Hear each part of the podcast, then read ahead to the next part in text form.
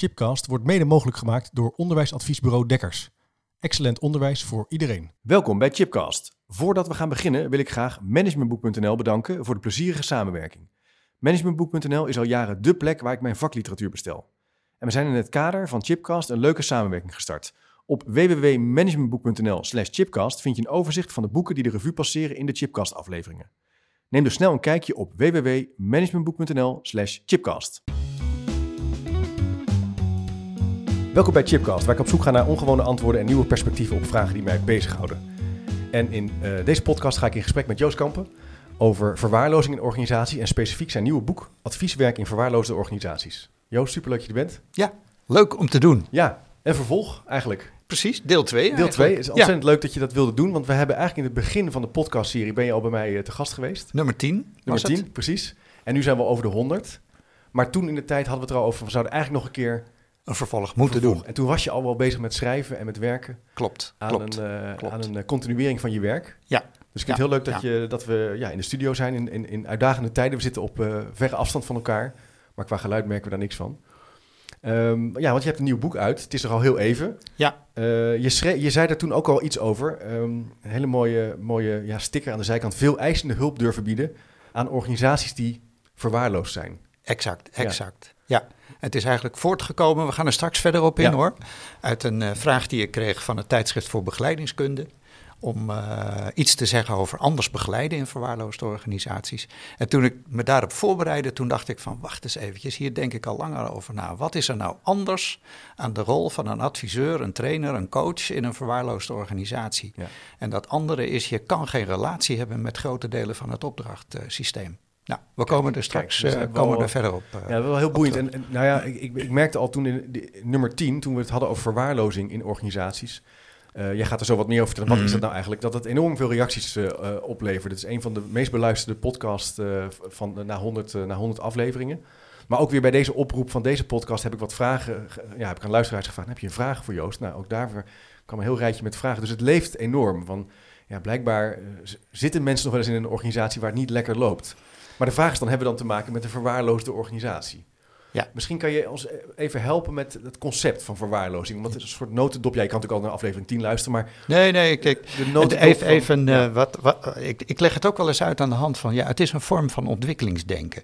He, dus organisatieontwikkeling, change and development denken en zo. Daar is het in feite een, een, een vorm van.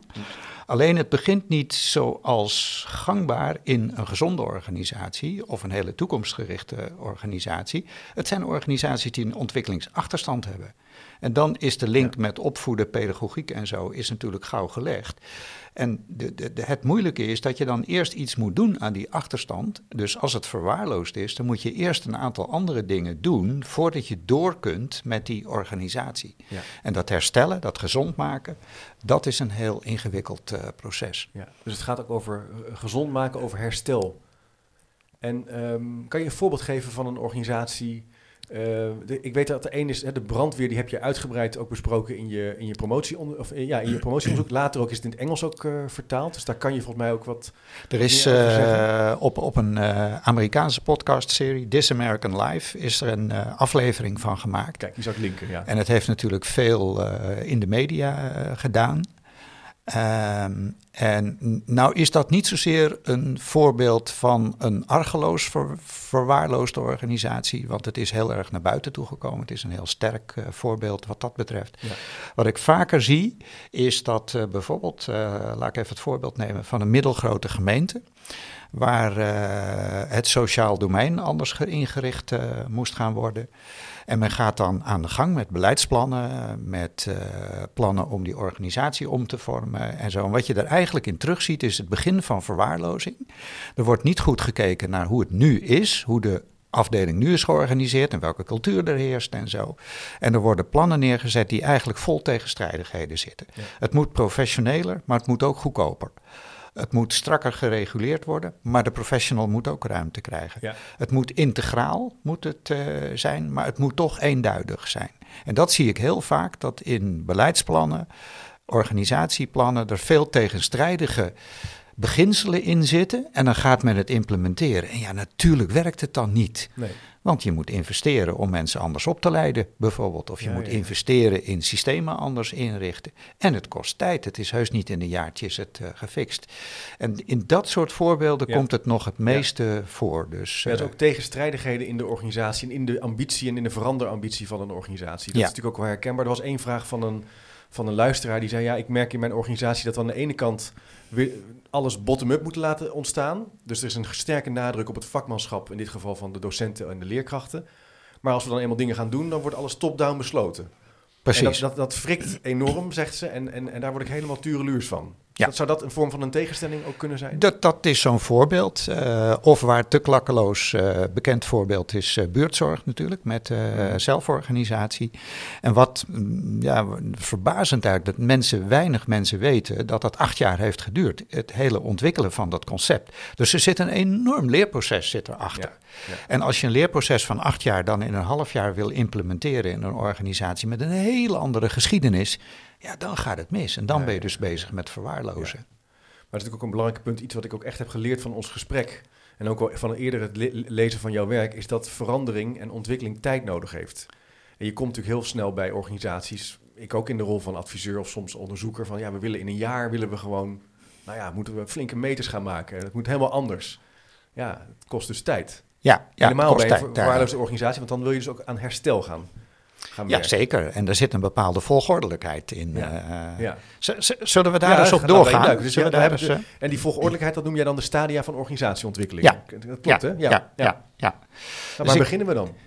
Nou, eh, ik zal even, eh, even iets zeggen over. Ik ben natuurlijk in de literatuur gedoken ook weer. eh, om, daar, om eh, om te, Want ik krijg vaak de vraag: van goed, oké, we gaan aan de slag met verwaarlozing. Dus dan heb je al een belangrijk station gepasseerd. Hè? De topleiding wil naar de werkelijkheid kijken en die onderkent dat het verwaarloosd is. En die willen ermee aan de slag. Maar uiteraard krijg je dan de vraag: oké, als we het nu aan gaan pakken. Wat komen we dan tegen? Hoe lang gaat dat duren? Ook vaak, wat kost dat aan inspanning en investeringen eh, en zo? Dat heeft mij ook doen beseffen van, hé, hey, wacht eens even, laat ik nou eens kijken naar een heel aantal opdrachten. Laat ik die eens tegen het licht houden en kijken of ik er bepaalde stappen en stadia in kan eh, ontdekken. Het heb ik met name opdrachten genomen waar ik al langer bezig ben, waar ik langer bij eh, betrokken ben. En welke stadia hebben ze dan doorlopen? Ik heb al eens eerder, geloof ik, in eh, deel 1 heb ik iets gezegd over die hogeschool waar ik zes jaar mee eh, heb gewerkt. Ja. Er zijn nog een aantal Ja. bedrijven. En ehm, ik ben in de literatuur gaan kijken op zoektermen als maturity model bijvoorbeeld. Dat Ja. zit meer in de bedrijfskundige hoek en de softwareontwikkeling, maar het beschrijft wel een vorm van volwassenwording. Dan heb je natuurlijk eh, uit de, de onderwijshoek eh, en, en pedagogiek eh, Erik Eriksson bijvoorbeeld. Hè, het kind en de samenleving, de ontwikkelingsstadia van een kind tot volwassenen.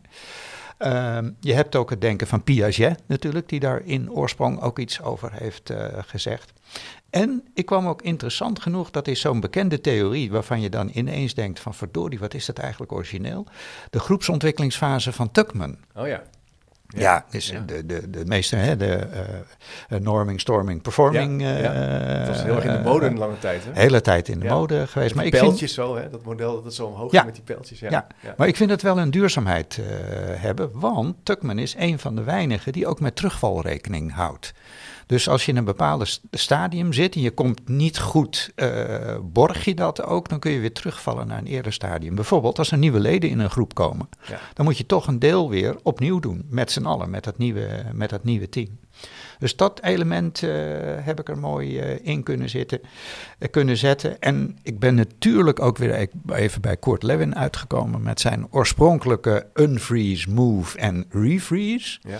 En dat zegt ook iets bij wat je in verwaarlozing steeds moet doen, is dat als je een bepaald niveau weer bereikt hebt, hersteld hebt, borg het alsjeblieft. Ja. En toch zit dat ook in ander, andere veranderkundige theorie. Als je bijvoorbeeld Kotter bekijkt met zijn acht-fase model, Ja. daar is de laatste fase is verankering in de cultuur. Ja. Dus dat wil ook weer zeggen van nou, wat je bereikt hebt, die nieuwe manieren, Vasthouden. hou het vast Ja. en, en, en steek daar energie in. Ja. Maar het is natuurlijk wel eh, opmerkelijk dat ehm, in veel veranderprocessen dat een beetje vergeten wordt. Je ziet het ook wel, soms zie je het ook letterlijk in verandermodellen van op het eind implementeren. Terwijl jij eigenlijk zegt, nou, eh, die modellen hebben al iets in zich van rekening houden met terugval en ook vasthouden van wat je bereikt En je hebt. moet het steeds weer borgen. Steeds weer borgen. En, ja. en je kan ook weer een stap terug gaan. ja, je kan dus Eh, een regressie, je kan achteruit gaan. ja, ja, ja. ja, ja. ja.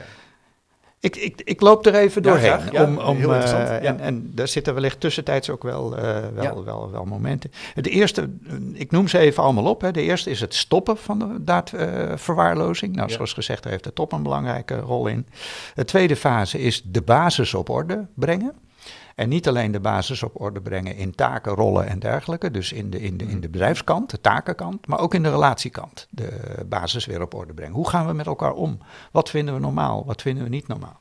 Derde fase is de informele organisatie overbodig maken. Of als ik hem iets nuanceer, eh, ondergeschikt maken. Ja. Want in een verwaarloosde organisatie bepaalt de informele organisatie wat er is. ja, Hè? ja.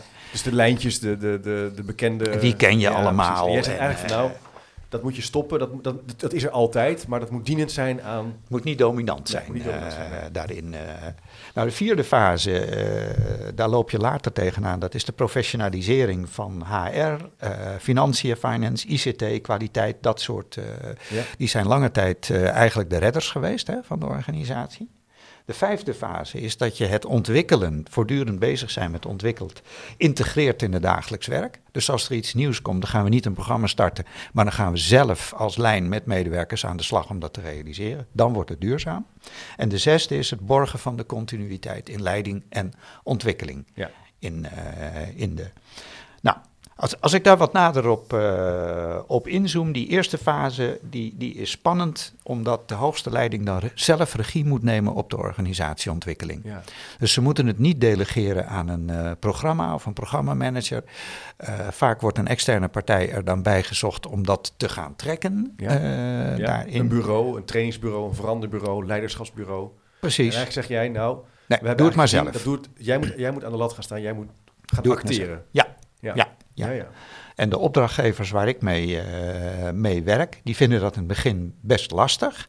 Maar eh, vinden het toch ook wel een uitdaging om zelf veranderkundig bezig te zijn. Want dat soort gesprekken heb je dan ook met elkaar. Hè? Ja. Van welke stap gaan we nou zetten? Gaat de organisatie dat trekken? Hebben we daar voldoende deskundigheid voor in huis? Nou ja, dat soort gesprekken ga je met Ja. je opdrachtgevers eh, voeren. En ook hoe zit je er zelf in? Maar dat gaat eigenlijk ook over het punt van het niet over anderen hebben, maar over jezelf gaan hebben. Dus, hè, dus Absoluut. dat, dat is natuurlijk een spannend... Dus je bent zelf veroorzaker van de, van, de, van de problemen. In ieder geval ook. Mm, De ook, Ja, mede. mede, ook. Dat, dat is eh, wat ik eerder wel de plek der moeite heb Ja, genoemd. eh, Ja. Met André Wiertsma eh, citerend daarin. Als je als top bereid bent dat te doen, heb je ook een voorbeeldgedrag daarin. Wil ook zeggen dat je het bij de staven weghaalt. Hè? ja, en de staven zijn dan de, de, De, de HR, ondersteunende... eh, HRD, ja. opleidingen, eh, management development, eh, dat soort eh, afdelingen. En dan tegelijkertijd weet je dat uit die hoek ook flink wat verzet gaat komen. Want ja, die waren ervan. Ja, we zijn hier eh, een professionaliseringstraject aan het doen. Nou, zegt de directie, daar gaan wij over. Daar gaat Ja. HR niet over. Nee. Dat is... eh, Maar dit is natuurlijk een, een, een spanning die ik wel heel interessant vind, die ik ook... Ja, ik, ik ben nou 15 jaar adviseur. Eh, eh, eh, Je komt heel vaak ook in dit soort patronen terecht. Dat HR-collega's bij een veranderbeweging komen, ideeën daarover hebben. Ook heel goed bedoeld, ja, ja. maar daarmee ook de kracht of de spanning van het systeem eigenlijk een beetje proberen weg te nemen of over proberen te nemen. Terwijl eigenlijk zeg je al met dit denken over verwaarlozing en interveneren, het begint daar in die top. Daar Het begint in die top en Ja. het begint in de lijn. Hè? Dus de parallel met, eh, met de ouderopvoeder is... de opvoeder doet het zelf en die besteedt het ook niet uit. Je, je Nee. kan op, opvoeder niet uitbesteden. Nee, dus Nou, ik, kan niet aan de crash vragen om mijn kinderen op te voeden. nee, nee, nee. dat gaat nee, niet worden. Het kan misschien En, een eh, beetje bijdragen, maar je moet het uiteindelijk zelf doen. Precies, precies, Ja, precies. Nou, wat hier ook eh, een, een ander punt, wat ik er nog bij noemen in die eerste fase, is dat je steun moet hebben van je toezichthouders of van je bewindspersonen of van, van wethouders als je daarmee eh, aan de gang gaat. En dat is wel een hele lastige, want ik noemde al even die gemeente met sociaal eh, Ja. domein. Als je dan een college hebt wat zeer ambitieus is en wat maar blijft drukken op die gemeentesecretaris om nu toch eens eindelijk resultaten te halen. En eh, zo'n topleiding geeft daaraan toe en die gaat die Ja. druk weer doorgeven in de organisatie. Ja, dan heb je de verwaarlozing eh, weer geïnstitutionaliseerd. Ja. Want dan hebben de mensen niet de gelegenheid om het ook daadwerkelijk anders eh, te gaan doen. Nee, dan, dan, wordt zo'n organisatie ook politiek. Ik, ik heb het, dit heb ik precies eerder meegemaakt bij een grote stad waar drijvend wonen in één keer heel belangrijk werd vanuit de politiek. Ja. Op zich een mooie ambitie, slim omgaan met ruimtegebruik. Maar waarin de ambtenaren er eigenlijk achter kwamen, dat kan niet. Of in ieder geval, we kunnen niet 500 woningen bouwen, we kunnen er misschien 20 bouwen. Mhm. Maar toch, er werd meegegaan in die beweging, omdat er steeds werd gezegd, ja, maar de wethouders willen het. Het is echt belangrijk, we moeten dit doen. Ja. En eh, ik snap dat wel, maar dat is natuurlijk wel een, eh, een, een, een Ja, lastigheid, hè, zou je kunnen zeggen. Nou, je kan zeggen in, eh, in termen van, van, van met de bril van verwaarlozing kijken, iedereen moet in rol blijven. Dus ook wethouders moeten in hun rol blijven. Mhm. Natuurlijk gaan ze over het wat, maar ze gaan niet over het hoe. Nee. Dus ze moeten niet eigen programmamanagers in de organisatie eh, Ja. gaan zetten, eh, bijvoorbeeld. En wat je ook weet, als je verwaarlozing gaat aanpakken, dan komt er een hele hoop naar boven wat niet oké is. En er gaan ook mensen uit de organisatie, die gaan zich rechtstreeks richten tot raadsleden of tot wethouders, Ja. van waar die leiding nu mee bezig is. Dus dat Nou, informele systeem, Dan gaat het informele waar systeem. hè, dat is de derde of de vierde eh, ja, stap, ja, zeg ja, maar. kom ik zo. Ja. kom ik zo. Ik ga even naar die, eh, die, die, die tweede stap, de basis op orde. En de basis op orde kun je, ik zei er al even iets over, het taakgerichte deel heb je daarin en het relatiegerichte Ja. deel daarin. Taakgericht wil zeggen dat je het werk doet zoals het bedoeld is. Eh, en heel vaak zie je daar dat leidinggevenden niet hun positie innemen. Dat stafmensen, zeiden we al iets over, eh, hun positie niet innemen. Maar dat medewerkers op de, op de werkvloer ook nooit gehoord zijn, ook nooit begeleid zijn in hun eh, ontwikkeling. En ook dus hun eigen ding zijn gaan doen daarin. En er zijn allerlei gewoonten ontstaan in roosters, in omgaan met werktijden. Ja. In, eh, nou ja, vaak zijn het dan de incidenten die naar boven komen. Ik, ik hoorde, onlangs hoorde ik echt een hele mooie, dat was in een, eh, een commercieel eh, bedrijf.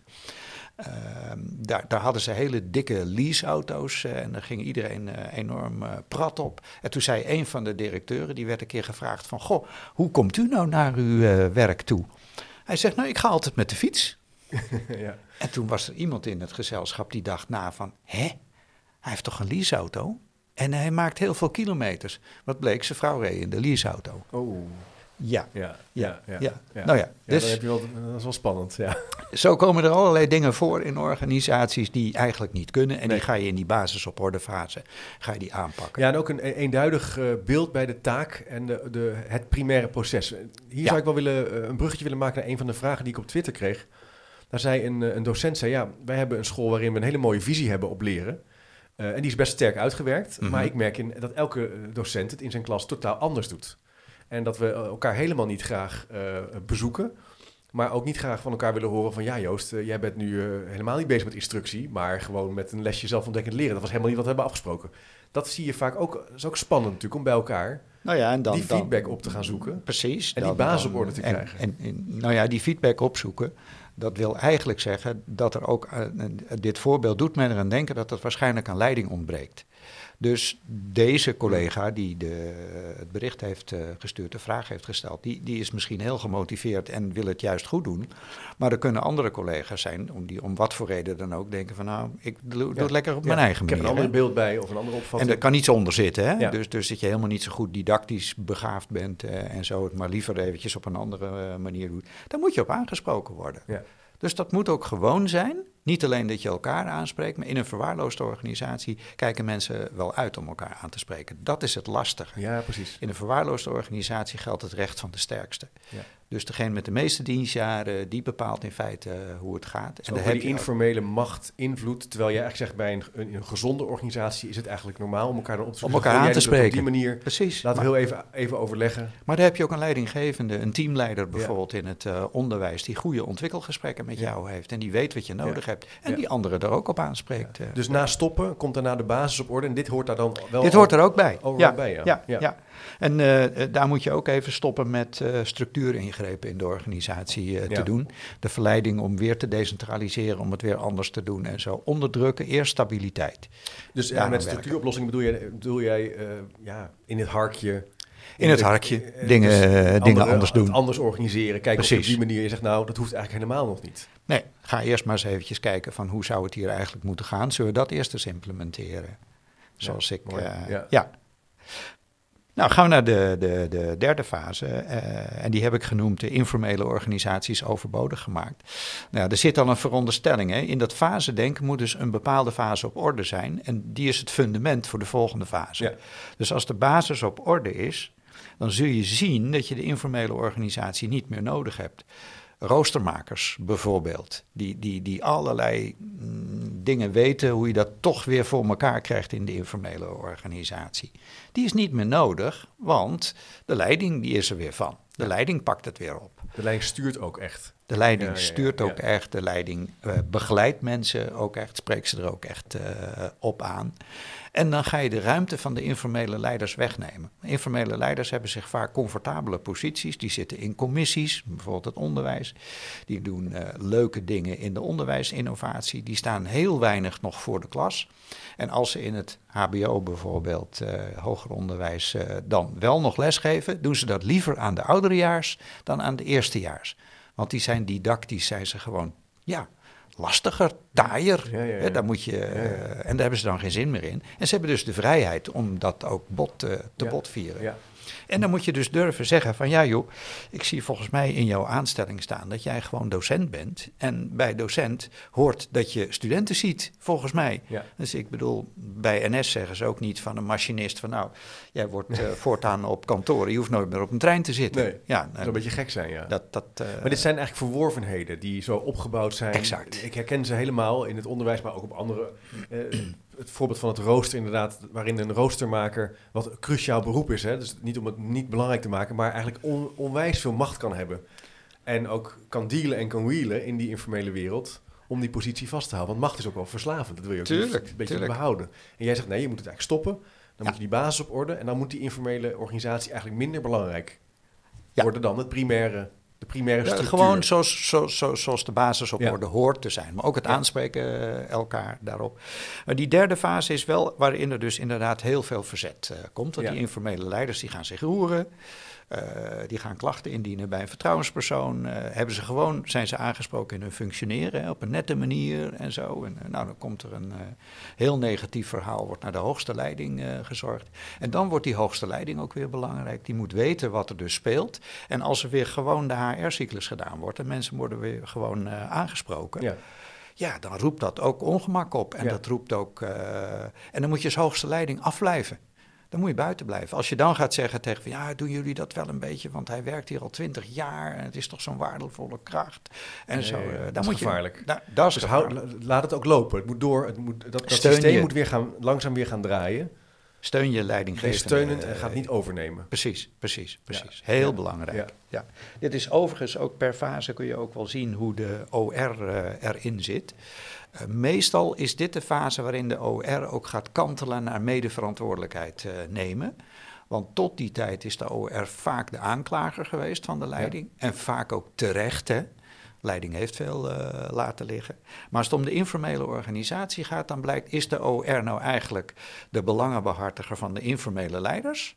Of is de OR voor het hele personeel en gaan ze hier ook genuanceerder naar kijken? Ja, en durven ze ook te zeggen, van, ja mensen, ja, als je aangesteld bent in een bepaalde rol, dan mag je ook verwachten dat je daarop eh, wordt aangesproken Ja, eh, ja, daarin. Eh, dus Interessant. En nog even heel even terug te gaan naar die samenwerking met die Raad van Toezicht. ja, Ehm, Ja, eerder ja. heb ik een podcast met Hartger, Hartger Wassink opgenomen over... Die, die zegt eigenlijk van ja, die toez- Raad van Toezicht moet eigenlijk een tandem zijn met de bestuurder. Dus in een goede school of in een goede Mhm. organisatie is het een wisselwerking. Eh, zie je ook dat dat kan? kan je ook, eh, maar het lijkt me ook spannend om dat gesprek te gaan voeren. Want ja, die moet je wel mee of mee hebben. Nou, je- hebben een bepaalde verantwoordelijkheid en een functie. Ja, zeker, zeker. En eh, mijn ervaring is hoe opener je bent als directiebestuur, hè, CEO op dat niveau, naar je toezichthouders Mhm. toe, hoe meer dat gewaardeerd wordt. Ja, precies. Dus als je de lijn open hebt staan en je gaat op een gegeven moment aan de gang met roosters bijvoorbeeld, hè, waar allerlei persoonlijke voordeeltjes uitgehaald worden, dan weet je dat mensen buitenom ook zullen proberen om de Raad van Toezicht eh, of het College van Toezicht te gaan eh, benaderen. En als die het verhaal kennen wat erachter zit, Ja. dan hoeven ze er ook niet op in te gaan. Nee, precies. Openheid en transparantie. En, En ze worden ook niet verrast Nee, precies. Want dat lijkt mij inderdaad, dat wil je natuurlijk niet als... eh, als je- leiding. Nee, als Nee. leiding. En ook Nee. al niet in zo'n raad van toezicht wil je dat natuurlijk ook niet. Dat je in één keer denkt, wat gebeurt hier nou? Precies, Dus precies. een open dialoog, transparant zijn over zo'n beweging is heel over belangrijk. wat er aan de hand is. Ja. En eh, het blijft in, waar het de politiek raakt, natuurlijk wel een hele lastige. Eh, dat zien we nou, Ja. ja. met de toeslagenaffaire, de Belastingdienst eh, op het ogenblik. Wisselende politici die voorbij zijn gekomen. En ja, ik vind het iets te makkelijk om nu te beweren dat dat allemaal maar systemisch is. Ja. Uh, want er wordt hier heel veel uh, nou ja, verantwoordelijkheden naar elkaar toegeschoven. Uh, maar een, een, een, een, politicus, een, een bewindspersoon, een wethouder hoort zich niet te bemoeien met hoe het in een ambtelijke organisatie, hoe het gaat. Nee. Wel wat, wat je mag Ja. verwachten. Ja. Maar wat helaas ook te veel gebeurt, en dat verhaal moet denk ik nog verder uitgezegd, kon de Belastingdienst deze verandering wel aan? Om het Ja, op deze dit geval manier, ja, eh, precies. Dus dan was het is- wel haalbaar. is dat, was dat wel haalbaar en onder welke condities is dat gebeurd en Ja. zo. Ja. Daar, ik zou er graag veranderkundig meer naar willen Ja, ja, kijken. ja. Als in de beschuldigende zin van wie heeft hier iets laten liggen Ja. en eh, kunnen we daar Ja, maat want er is natuurlijk wel een verschil tussen die papieren werkelijkheid en die geleefde praktijk. Hè? Zoals jij daar ook, eh, jij collega's ook over schrijven. Van ja, je kan wel zo'n ambitie hebben, maar kan dat eigenlijk... Was is dat- is- ja. Hebben we wel de, de, de, de bekwaamheid en kunnen we het wel aan, zo'n veranderopgave? Ja, ja, Ja, ja, ja. Interessant. Dus dat, dat geeft ons wel... Nou, dan zijn we al... hè, We hebben het informele netwerk, informele cultuur. Laten we dienend zijn aan de structuur en de inrichting van de organisatie. ja. Ehm, En, en die is er op zich wel. Hè? Dus in elke organisatie heb je ook de informele organisatie. En dat is natuurlijk de borrel die er ook is. Mensen die elkaar ook onderweg kennen. En, ja, en, eh, uitwisseling, kennis delen. Precies, Dat is precies. niet te je stoppen, komt elkaar dat- op het schoolplein, Ja, kom je ja, tegen. ja. eh, een studiegenoot van vroeger komt ineens bij jou werken en die zoek je eens even op. Dus niks mis mee. Nee, niks meer. Precies. Het heeft een functie, maar het moet niet de overhand krijgen Precies. in de inrichting. En de, in de- Bij ontbrekend leiderschap gaat dat de overhand krijgen. ja, dat is, eh, ja. Nou, dan gaan we even naar die, eh, die vierde fase, Ja. die, eh, die ik wel kan aanwijzen. Dat is professionalisering van die staven. Professionalisering van HR, zal ik even als voorbeeld eh, nemen. Wat ik vaak in verwaarloosde organisaties zie, is dat die HR-afdelingen, die hebben eigenlijk wel constant, zeg maar, de gaten dichtgelopen. Ja. Hè, bijvoorbeeld, er werden functioneringsbeoordelingsgesprekken niet gevoerd en HR gaat erop sturen dat dat toch vooral moet gebeuren. Ja. Maar als het nou aankomt op deskundigheid van hoe verander je een organisatie, dan zijn dit soort staven helemaal afwezig. Ja, ja. En wat ik in, de, in, in het gezond maken van verwaarloosde organisaties een, een, een goede rol eh, zie voor interne HR-mensen bijvoorbeeld, om mede die verandering te begeleiden. Maar dat wil bijvoorbeeld dus ook zeggen dat als een teamleider met zijn 20 monteurs het gesprek aangaat op maandagochtend in de weekstart, dat je als haar businesspartner daar als gespreksbegeleider bij kunt zijn. Ja. En dat je snapt wat groepsdynamiek is. Ja. Dat je daarop kunt interveneren. Ja, ja, ja, dat je achteraf een gesprek kunt hebben met de teamleider. Van, zag jij het gebeuren daar? Eh, en wat deed dat met je? Dan word je echt partner, hè? Partner van de beweging. Maar dit, je ziet natuurlijk ook veel in organisaties dat eh, dit soort collega's zeggen: Nou, ik ben er niet bij, of ik wil, ik wil faciliteren, ik stap er niet in, of ik heb er geen opvatting over. En eigenlijk zeg jij al, nou hierbij zou het eigenlijk bevorderlijk zijn als ze een opvatting hebben over veranderen, snappen hoe dit werkt, meedoen, Precies. aanwezig zijn en helpen en ondersteunen. Ja. Door te faciliteren, het gesprek te faciliteren, mee te schrijven, eh, patronen te herkennen, na te praten met die leidinggevende. Precies, precies. Dat is een manier hoe je En dat is- staf kan opleiden of kan... We, komen er zo meteen nog wel op naar aanleiding van mijn, eh, mijn boek. Eh, mensen als haar businesspartners, die zijn, eh, nou ja, bij wijze van spreken 24 uur per dag achter de voordeur. Om even de parallel met gezinnen en opvoedsituaties te nemen. Ze zijn veel beter in de organisatie. Ze weten ook veel meer wat er speelt. Ja. Dan de externe adviseur natuurlijk. Hè. Ja. Ik, ik ben er natuurlijk doorgaans gepland. Ja, Eh, ja, ja, ik kan er wel eens naartoe, ergens ja. even blijven hangen en even nog wat mensen spreken en zo. Maar doorgaans ben ik er gepland. En zij niet, ze zijn er altijd, ze zien dingen. Eh, daarom is het ook zo waardevol dat zij in een andere rol meedoen. eh. Ja. Ja. Maar dat is denk ik ook de kracht van, van een externe adviseur. Dat die, er wordt natuurlijk ook wel vaak lachig over gedaan en grapjes Mhm. over gemaakt. Maar een goede adviseur herkent ook bepaalde patronen. Deur, is, is vrij om eh, bepaalde dingen te zeggen die anderen niet kunnen zeggen, niet durven te zeggen. Die moet je wel contracteren hoor. ja, die dat is natuurlijk. eh, maar dat kan de eh, kracht zijn in die, in die, in die verbinding met die Ja, HR-collega. zeker, zeker. Ja, Ja, ja. Maar je zei contracteren, die rol van die adviseur. Daar gaat het boek ook over. Ja, ja, ja, Ja, ja, ja, ja. die contractering. Dus, dus je contracteert eigenlijk met je opdrachtgever dat je eh, leden van de organisatie, veel leidinggevenden, in hun rol mag zetten. Ja. En dat je ze daarop mag aanspreken. Dus je mag eisen dat iemand zijn verantwoordelijkheid neemt. Ja, dat is heel wat anders als natuurlijk eh, heel veel adviseurs die werken aan draagvlak, aan gezamenlijk optrekken. Eh, ik, ik, ik heb hem ik- even een zijstapje naar mijn Ja, boek, hè? ja, dan komen we zo meteen wel weer op de stadia. Ja. Ik heb uh, eigenlijk toen ik dat boek ging schrijven, uh, me afgevraagd van wat is er nou anders aan het adviseren en begeleiden in een verwaarloosde organisatie. En de kern daarvan is, is dat de wederkerigheid in de relatie in het begin ontbreekt. Dus daar moet iets anders uh, gedaan worden. En dat heb ik genoemd dat veel eisend helpen. Ja. Dus zorgen dat die basis waar we het net over hadden, die, die basis op orde komt, dat die informele organisatie rechtgezet wordt en weer kleiner uh, gemaakt wordt. Dat, dat, de, de, als je dat afzet tegen de gangbare adviesstijlen, heb je procesadvisering. Hè? Dus ja. dan heeft de adviseur ja, à la Shine eigenlijk uh, meer het proces en niet zozeer de deskundige.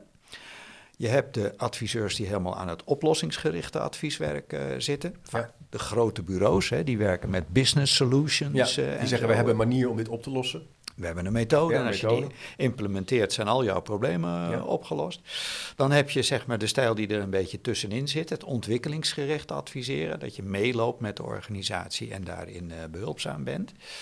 En daar vond ik toch een element in ontbreken. In verwaarloosde organisaties moet je ook een voorbeeld meenemen in hoe het wel normaal is. Dus je brengt een referentiekader mee van hoe het wel kan als het gezond is. En je contracteert dus die, ja, je, je mag mensen naar de plek der moeite brengen. Ja.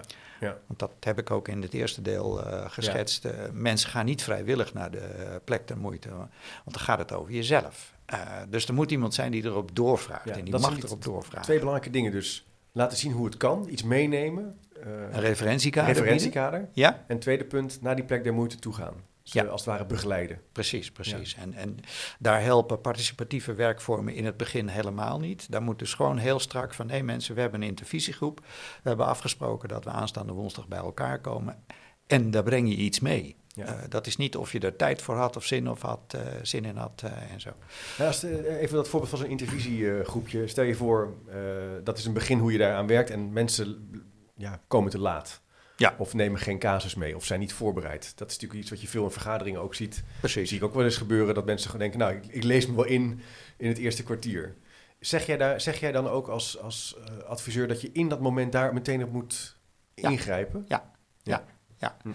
Uh, als ik dat in het begin meemaak, dan blijf ik heel even op mijn handen zitten om te kijken wat de voorzitter in de vergadering doet en wat de collega's doen. Ja.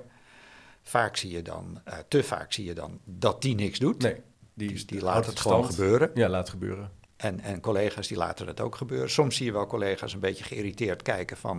oké, okay, ik was er toch ook op tijd, weet je, dat. Ja, ja, ja, ja. Nou, dan ga ik het benoemen. Dus ja. dat, dat is inderdaad, je moet in het hier en nu interveneren. Ja. Dat hoort ook heel erg bij die, uh, die rol in een verwaarloosde organisatie. Dat je gewoon in het hier en nu mag uh, benoemen van... goh, we zijn nu twintig minuten uh, bezig... En ik zie dat jij gewoon binnenkomt en je verklaart even niet waarom je te laat bent. Nee. Had je er een goede reden voor of ja. zo? Nou, is het van tevoren afgesproken? Is dat van tevoren afgesproken? Hoe ja. gaan jullie hiermee om? Ja, nou, dan probeer ik het gesprek ook wat breder uh, te trekken. Maar dan wordt natuurlijk wel even stil, denk ik, aan die tafel. Hè? Dat, dus wordt heel ongemakkelijk. Ja, even, dat is, dus dat ongemak, dat is wel een element van dat verbeteren. Het wordt echt even minder ja, prettig. En, en, en hè, dat, dat schrijf ik in mijn uh, derde boek Advieswerk in verwaarloosde organisaties ja. ook uh, over. Dat als jij het type adviseur bent die dat ongemak liever uit de weg gaat, uh, dan kun je maar beter niet in een verwaarloosde organisatie nee. aan de gang gaan. Nee. want je gaat het tegenkomen. Als ja. je het benoemt, tuurlijk, mensen verwijten het jou in eerste instantie. ja.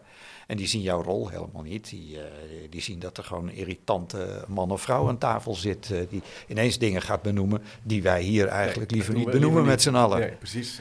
Ingewikkeld. Dat, ja, precies. En, die moeite opzoeken, dat moet ook wel een beetje in je zitten. Die, je moet die interesse ook hebben ja. voor de werkelijkheid. Ja. Niet om lullig te doen, maar wel om te benoemen wat er gewoon is. Want nee, je moet, kunnen je moet ook kunnen confronteren. Kunnen confronteren. Past het bij je eigen stijl en ook wel daar niet uh, heel zenuwachtig van worden, kan me voorstellen. Ik, ja. ik zou het, ik, ik, je moet mij niet in een verwaarloosde organisatie uh, zetten. Ik word daar ontzettend zenuwachtig van. Ik kan misschien in het begin wel uh, wat doen, maar het ja. vraagt wel echt even wat van je. Ja, ja, ja. Nou, en ik, ik heb met, met vele interne adviseurs ook gewerkt. En wat je hen dus ook ziet, coaches bijvoorbeeld, ziet doen, is dat die heel hard gaan werken om er toch nog wat van te maken. Ja, dat, ja precies, ja. Sorry, ja. Ik moet lachen, maar dat kan ik me helemaal voorstellen. Dat, uh, ja, we praten er gewoon overheen, we pakken de flap erbij en, en gaan uh, lekker dingen Ik ga weer voor de groep staan. Mensen, we gaan verder. En, ja, ja, niks aan de hand. Uh, niks niks aan de hand. Ja. ja, dan word je doodmoe word je, daarvan. En dat werkt ook niet. nee, precies, er zijn energielekken. Ja. Dus dat zijn energielekken. Oké. Dat is, ja, even terug naar Ja, gaan we de, weer terug naar de, naar de stadia. Hè? Ja, Even, ja. terug naar de stadia. Het vierde stadium, eh, dat noemde ik dus professionalisering. Ja. Want eh, naar aanleiding daarvan eh, kwamen we hierop. Ehm, en wat je ook doet, is zorgen dat de lijn, het management, opdrachtdeskundig wordt. Dus dat je Hmm. gerichte hulpvragen kunt stellen aan je controller. Of aan je, haar businesspartner. Ja. Van joh, ik wil eens even met jou sparren over wat ik gisteren zag gebeuren daar en daar en daar. Ik heb er dat van gezegd. Ja. Maar ik ben er niet zeker van of dat wel eh, gewerkt heeft. Kan ik even met je sparren daarin? Opdrachtdeskundig. Dat is een mooi, eh, mooi eh, begrip. Ja, Ja. Dan, dan, en, en dan kom je ook inderdaad in de lead. Ja. En, dus je kan een vraag goed stellen, je kan onder woorden brengen waar je behoefte aan hebt. Ja. En dat helpt staven ook om daar goed op te anticiperen. Dus leiderschap is meer dan ja, aan een groep leiding geven. Is ook snappen waar het over gaat, inhoudelijk bekwaam zijn, boven de materie kunnen staan. Ja, Ja, en dus daar dus gericht En daar gericht ook, je, ja je, je, je hulpkrachten bij, eh, bij inschakelen. Zo zou ik ook wensen dat opdrachtgevers wat meer opdrachtdeskundig worden naar eh, externe partijen. ja. Dus huur alsjeblieft een externe partij in die snapt wat er aan de hand is. Ja. Ik maakte de laatste keer mee, onlangs, twee weken geleden of zo. Ehm, dat gaat over een organisatie. Daar ben ik zelf geen, eh, geen, geen, geen, eh, geen partij in om daarin mee te dingen. Mhm. Maar die zijn een uitvraag aan doen voor een groot leiderschapstraject. En ik werk dan met eh, tien intern adviseurs. Die doe ik een maatwerkopleiding over verwaarloosde organisaties. Want die hebben donders goed in de gaten dat die organisatie, het is een hele grote overheidsdienst, verwaarloosd is. En hun top wil dus een leiderschapstraject doen. Ja. Toen kwamen we op een gegeven moment op het gesprek. Ik heb ze geadviseerd. Zeg, neem in die uitvraag één belangrijk ding mee, of twee dingen mee. A, heeft deze partij al eens eerder in een verwaarloosde organisatie gewerkt? Want dat is een heel ander uitgangspunt dan wanneer dat niet aan de hand is. En B, starten ze hun aanpak met een werkelijkheidsanalyse. Ja. Ja, daar hebben we natuurlijk in de, eer- dat is de, hè, dus an- analyse van de huidige situatie. En de historie ook, hè? Dat is ook een... eh, Exact, exact. Ja. En gaan ze dan pas hun leiderschapsprogramma echt vormgeven? Ja. Of trekken ze iets uit de kast? eh, Ja, ja, ja, maar bij leiderschap, eh, vaak dat ik, wat ik wel om me heen zie, is leiderschap roept ook iets op van, ja, leuk, we gaan nieuwe dingen ontwikkelen, we gaan een, een beweging in gang zetten, we gaan eh, de werkpraktijk centraal stellen, et cetera, et cetera. Waar jij zegt, ja, echt die, echt die verwaarlozing opheffen, stoppen en werken aan herstel, vraagt iets anders. Ja, ja. Nou, en dat vraagt ook, als, zelfs als je hem op teamniveau vertaalt, en ik noemde even die werkelijkheidsanalyse, dat je dus ook een teamleider vraagt van, joh, eh, ga eens om je heen kijken, wat valt je nou op in Ja. je dagelijkse praktijk? Ja. Hou er een dagboek over bij, hè? dat is ook een gewoon een heel eenvoudig instrument en dat bespreken we dan Ja. eens in de zoveel tijd. Van. Wat valt jou nou op? En collegiaal, hè, doen mensen dat met elkaar. En wat zou je daar nou in willen veranderen? Nou, hoor je iemand dan zeggen, ik zou het wel prettig vinden als eh, wij een overleg hebben dat mensen elkaar eens uit laten praten. Ja. Nou, mooi. zoiets simpels. Ja. Daar, daar Ja. ga je dan mee aan het werk. En omdat je dat op alle plekken in de organisatie doet en het systeem ook zo doet dat je eh, het gesprek aangaat met je eigen medewerkers. Dus niet alleen collegiaal als leidinggevende van hé, hey, gaan we dit allemaal aanpakken eh, daarin, maar ook naar je mensen toe. Dan voelen mensen zich gehoord. Ja. Want die zien dat zelf natuurlijk ook. Dat er een paar goed gebekte eh, collega's zijn die altijd hun punt willen maken daarin. Vervolgvraag nog van Jelger, even hierop in verbinding, eh, even terugkomen op het punt van leiderschap en eh, die, op, die opdracht kennis hebben van zaken hè, en, en de contractering ja. en de professionalisering. Jelger Spijkerboer, die vraagt zich af van, ehm, ik, ik heb het idee dat we goed leiding geven, dat dat een beetje lange tijd uit de mode is geweest, zeg maar even mijn eigen woorden, dat we het onbelangrijk hebben gevonden of oud. En volgens mij is het juist een bouwsteen voor niet verwaarloosde organisaties. Maar hoe maak je nou een verhaal invoelbaar? Hoe geef je nou als, als leider zo'n verhaal, ja, maak je het leven Mhm. zodat het gaat leven, zodat, je ook van die verwaarlozing af kan komen? Ja. Heb je daar, zou je daarop kunnen... Nou, eh, ik, ik, herken, eh, Ja. ik herken wat hij daar eh, zegt. Hè, dat het in de mode is geweest om het niet over leiderschap te hebben. Maar ik, dan haal ik toch wel weer eventjes wat Warren Bennis al heel lang geleden heeft gezegd. Het verschil tussen managen en leiderschap. Ja. En waar veel afkeer van leidinggeven is gekomen wanneer het alleen over managen gaat. Dus in de zorg alleen maar sturen op procedures, protocollen en, en de papierwinkel, Ja. eh, zeg maar. Ja. Daar is op zich een begrijpelijke afkeer van dat type management uit naar voren gekomen. Maar hoe ik leiderschap zie, en ik noem het ook vaak in mijn opdracht ontwikkelingsgericht leiding geven. Ja. Ja, dat kent natuurlijk, en daar vind ik die parallel met opvoeden uh, zo, zo hartstikke uh, logisch. Het gaat om aandacht geven en het gaat om structuur bieden. Ja. En het gaat om mensen vooruit helpen ja. en er zijn en erbij zijn uh, en zo. En ja, als je dat op die manier kan vormgeven, dan is dat natuurlijk in organisaties is dat hartstikke logisch dat je dat gaat doen. Precies. Overigens zitten er vaak mensen op bepalende posities posities, die kunnen dat helemaal niet. Nee. Die zijn aangenomen omdat het hele goede financiële managers zijn, uh, Ja. bijvoorbeeld. Ja. Ja, dan heb je dus andere competenties daarvoor nodig. Ja, maar dat punt, dat zie ik ook bij opvoeding van kinderen uh, of in, in, in, in de school, uh, een goede leerkracht, echte interesse hebben in kinderen.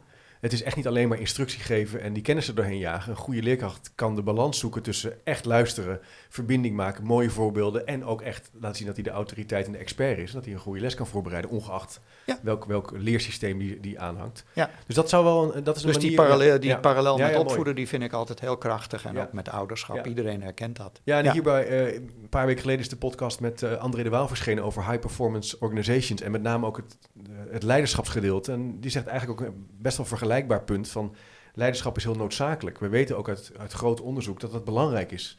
Eh, maar het gaat wel over aandacht. Oprechte interesse hebben in, in je medewerkers. Ja, En, en verbinding hebben. en De wederkerigheid in stand houden. Ja, ja, Eh, ja. ja. Oké, nou, Goed, dus we zijn in, die, in die stadia eh, al Ik neem, wel stappen eh, verder. Ja. ik, ik, ik eh, neem de luisteraar even mee naar sta- sta- stadium 5 Ja. eigenlijk. En dat is het stadium, dus dan, je moet je vaak in de praktijk voorstellen dat ik dan al twee à drie jaar werk met een eh, voormalig, Ja. nu inmiddels voormalig wordend verwaarloosde organisatie. Die, die komt er steeds beter in de, te zitten. En dat je die manier van ontwikkelingsgericht leiding geven, dat je die integreert in het dagelijks werk. Dus het is niet meer een aparte actie. Ik zei er straks al even een dagboek. Hè? Ja. Een van de gewoonten, de routines die we introduceren, is dat je eens in de maand een inhoudsloos, agendaloos MT hebt. Dus dan heb je het eigenlijk alleen over hoe zijn we bezig hiermee, waar lopen we tegenaan, wat vind je moeilijk, kan ik dat kwijt eh, daarin. Nou, dat soort reflectiemomenten inbouwen in je dagelijkse routines. De, de, de, dat wil ook zeggen dat je dat soort momenten kunt gebruiken om aan een vernieuwing te werken. Ja. Wanneer er iets nieuws afkomt op een organisatie en dat moet opgepakt worden, Mooi. is de reflex vaak dat we er een programma voor inrichten. ja, ja. We wijzen een programmanager Ja. aan en gaan daarmee aan de Nou slag. en we komen helemaal druk in die agenda, zitten we helemaal vol. En jij zegt eigenlijk, nou, er moet ruimte zijn voor ontmoeting, ruimte zijn voor dialoog. Zodat het in, En dat is ha- in de inderdaad- haarvaten van de organisatie begint te zitten. Dat is inderdaad de uitdaging die, de, die er is, om die ruimte die je eenmaal gecreëerd hebt. En ik weet het hoor, als, als mijn klanten daar twee à drie jaar mee bezig zijn, dan vinden ze dit de mooiste momenten van de maand. ja. Dat agendaloos MT, daar kijken ze naar uit. Ja. Dan kunnen ze een verhaal eens doen. Dan kan er een collega echt zeggen wat zij heeft meegemaakt toen ze hier binnenkwam twee jaar geleden. En daar echt eens eventjes eh, op bevraagd eh, worden. Vinden mensen fantastisch. Ja.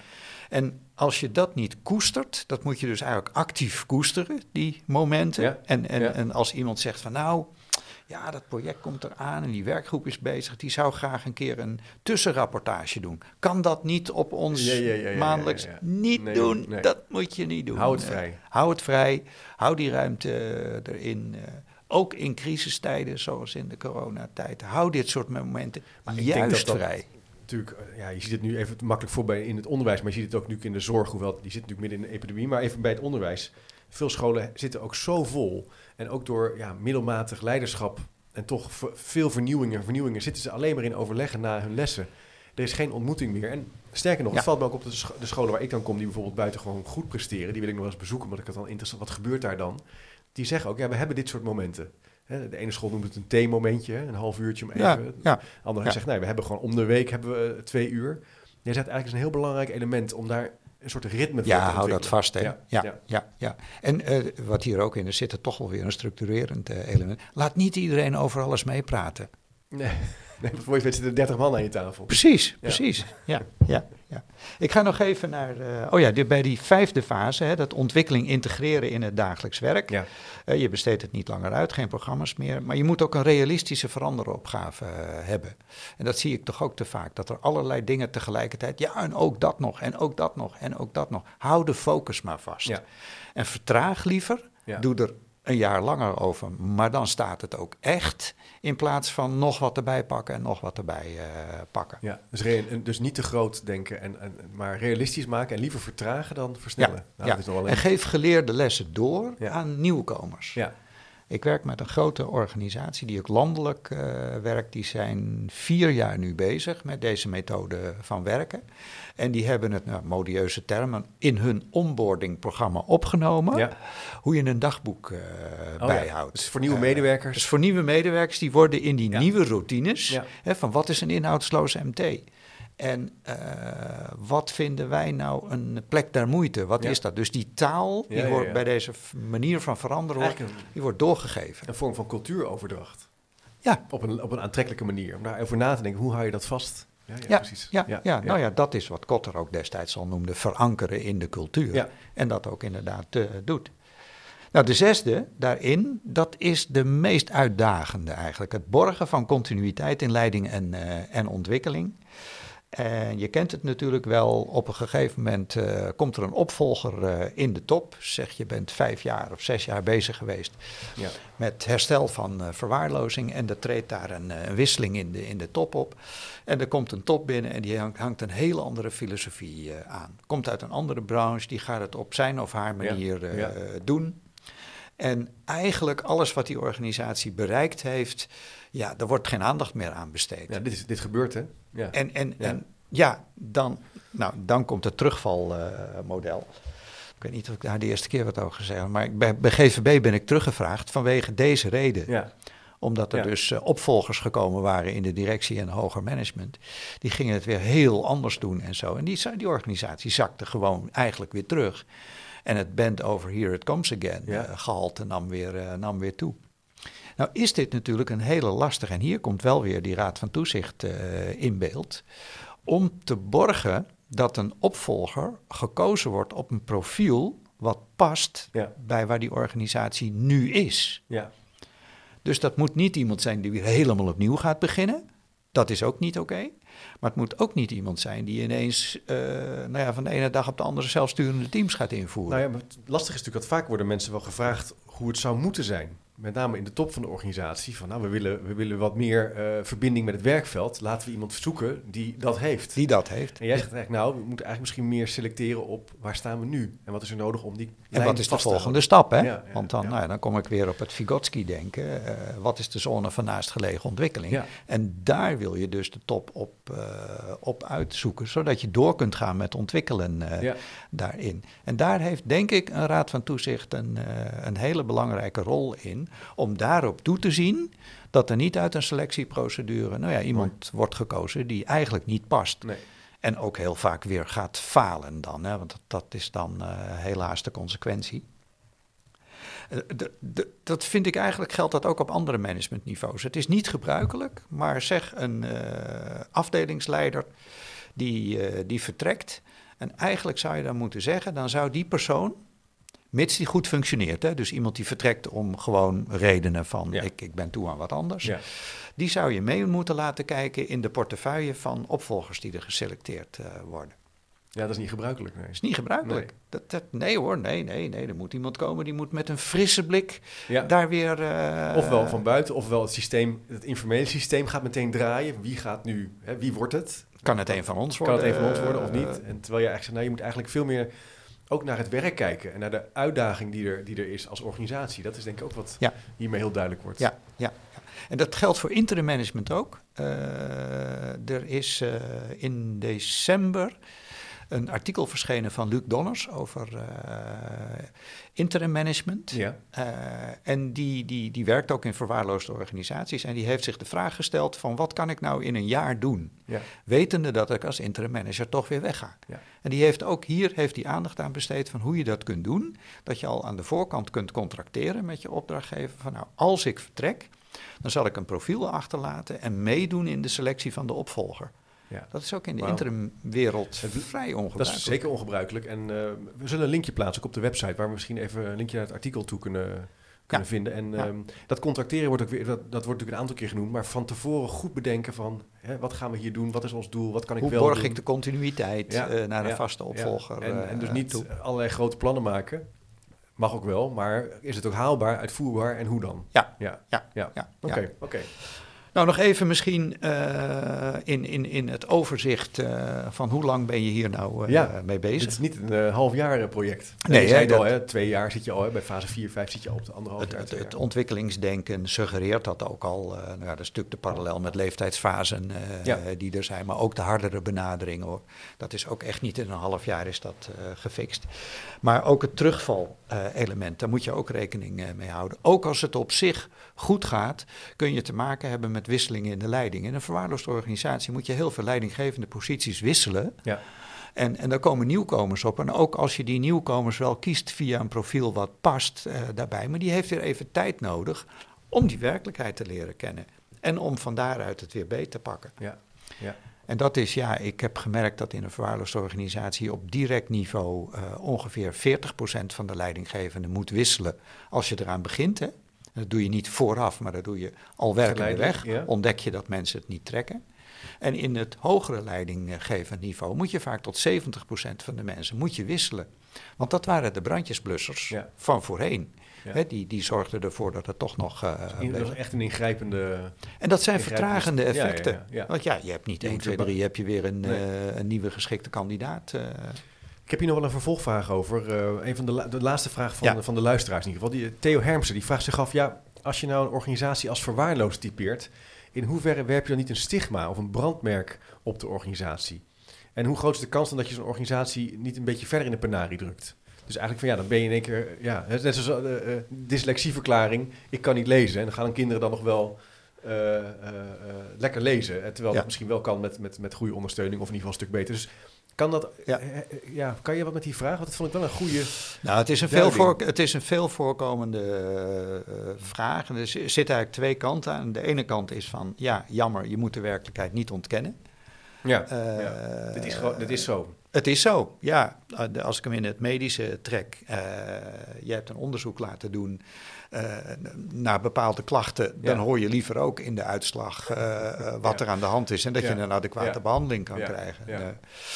Eh, dus in die zin, ja, eh, lastig. Ik weet wel dat als je aan de slag gaat, heet het vaak ontwikkelingsgericht werk. Ja, ja, dat is Dus, wel dus als je hem een titel meegeeft in waar zijn we mee aan het werken, gezondmaking kan, maar vaak heet die ontwikkelingsgericht werken. Of zoals ik in een aantal opdrachten heb, dan noemen we het we gaan gewoon doen. Ja. Dat heeft twee ladingen. We gaan gewoon doen. En we gaan, we weer gewoon doen. Ja. Daarin. Ja, eh, mooi, mooi, mooi. Dus ja, nee, het, is een, eh, het is een reële vraag. Overigens, ja, ik die... kan me ook voorstellen dat het ook eh, een beetje het verschil tussen backstage frontstage. Hè? Backstage als adviseur gebruik je dit denken, deze fases, de, het repertoire, je professionaliseert je daarin. Ehm, daar kan je voor kiezen om dat ook heel transparant met je opdrachtgever, met je organisatie. Precies, eh, Dat precies. is natuurlijk heel belangrijk. Dat doe je natuurlijk wel. dat ja. kan je ook wel ontwikkelgericht voelen van nou, we zijn vooruitgang aan, aan hè, het, het wordt beter. Ja, Hè? We ja. maken kleine stapjes. Ja, ja, als maar geen politiek eh, toedek. eh, Nee, dat, precies. Dat, dat is, dat is, dat is een beetje de... Ja, Goh, ja interessant. precies, precies. Ja, joh, ja, interessant om met je over te praten. Ik, wat ik heel mooi vond aan eh, ja, dit boek, ik ga nog even de titel noemen, Advieswerk in verwaarloosde organisaties. Dus echt wel bedoeld voor adviseurs, interne adviseurs. Maar ook wel voor eh, collega-professionals heel interessant. Ja, andere boeken natuurlijk ook. Maar ehm, Hans Vermaak noemde het in, de, in het voorwoord. Hans is ook te, gast geweest hier eh, in de podcast. Die zei, het is ook wel een gevaarlijk denken. Een gevaarlijk op een goede manier. Want het is een heel afwijkend perspectief om naar organisatieontwikkeling en verbetering te kijken. Dat vond ik wel heel mooi. Mooi, Mooi, hè? Mooi, Ja, mooi begrip. Ja, ja. Ja. Nou ja, je, je moet natuurlijk ook, je, je bent een veeleisend helper als adviseur, maar je moet het niet overnemen van Nee. de opdrachtgever. Dat Nee. natuurlijk niet. Nee. Eh, en ik zou toch ook opdrachtgevers wel willen aanraden om dat boek op zijn minst een keer eh, te raadplegen. Want het gaat ook over opdrachtgeverschap. Ik heb daar ook aandacht besteed aan. Wanneer geef je nou je opdracht terug? Ja. Wat zijn voorwaarden voor een succesvol eh, adviestraject? Ja, en als die voorwaarden niet aanwezig zijn, dan moet je als adviseur ook durven zeggen: van, ja, jammer, maar dan Ja, begin ik, er niet Heel aan. belangrijk in ons vak, in dit vakgebied. En eh, ja, wat dat betreft zeker. Ik zou ook een linkje opnemen op de website van chipcast.nl. Dan kan je naar de boekenkast toe, dan kan je hem, eh, kan je hem aanklikken en, en bestellen als je het leuk vindt. Eh, ja, leuk Joost, we kunnen nog wel over doorgaan. We zitten eh, bijna op een uur. Oké. Eh, mooi en heel interessant. Om die, leuk om even naar die fases te kijken. Want dat is denk ik heel praktisch en, en toepasbaar. Volgens mij hebben we heel veel praktijkvoorbeelden gegeven. En, en ja, de luisteraar verdieping gegeven. Hoe je nou als adviseur, intern, extern... Antwoord op die vraag van hoe lang duurt het dan en wat komt er allemaal bij kijken? Ja, ja, Ja, ja. is nog lang niet klaar. het is ontzettend leuk dat je zo actief met schrijven en, en, en onderzoek doen bezig bent. Ik vind dat heel belangrijk. Dus ontzettend leuk dat je hier in de uitzending wilde komen, Joost. Graag gedaan. Opnieuw leuk om te doen. Heel gaaf. Ehm, voor de luisteraar, vind je het leuk om meer informatie te, informatie te ontvangen over de Chipcast? Schrijf je even in via chipcast.nl slash doe mee. Dan krijg je twee wekelijks een nieuwsbrief met wat meer achtergrondinformatie. En eh, raadpleeg ook zeker even de website met eh, de bronnen en linkjes die naar voren kwamen in ons gesprek. Ik zou zeggen bedankt voor het luisteren en tot de volgende keer maar weer.